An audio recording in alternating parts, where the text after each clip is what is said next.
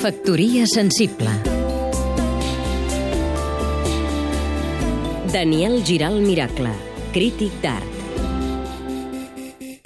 Malgrat que, com va dir Terrats, el nostre és un país d'artistes, la vida cultural i artística de Catalunya es concentra a Barcelona, des d'on es difon especialment l'obra dels artistes arrelats a aquesta ciutat, fent-nos oblidar massa sovint d'aquells altres que no van poder o no van voler establir-se.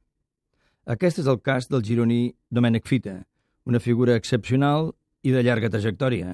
Als 87 anys encara segueix actiu, que ha exposat a diverses ocasions a Barcelona, que té obra repartida per tot el territori i que s'ha vist distingit amb els guardons més relevants del país.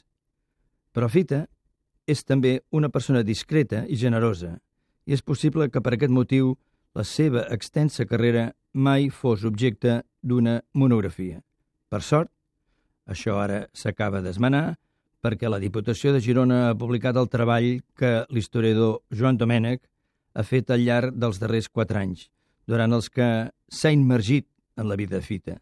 Una vida de superació des del 1953, que va tenir un accident i que, a pesar de la seva gravetat, en res ha pertorbat la carrera d'un artista que ha sabut trencar amb els convencionalismes esti estilístics i que s'ha dedicat a l'experimentació amb tots els procediments artístics, pintura, escultura, ceràmica, vidrall i, sobretot, amb el dibuix.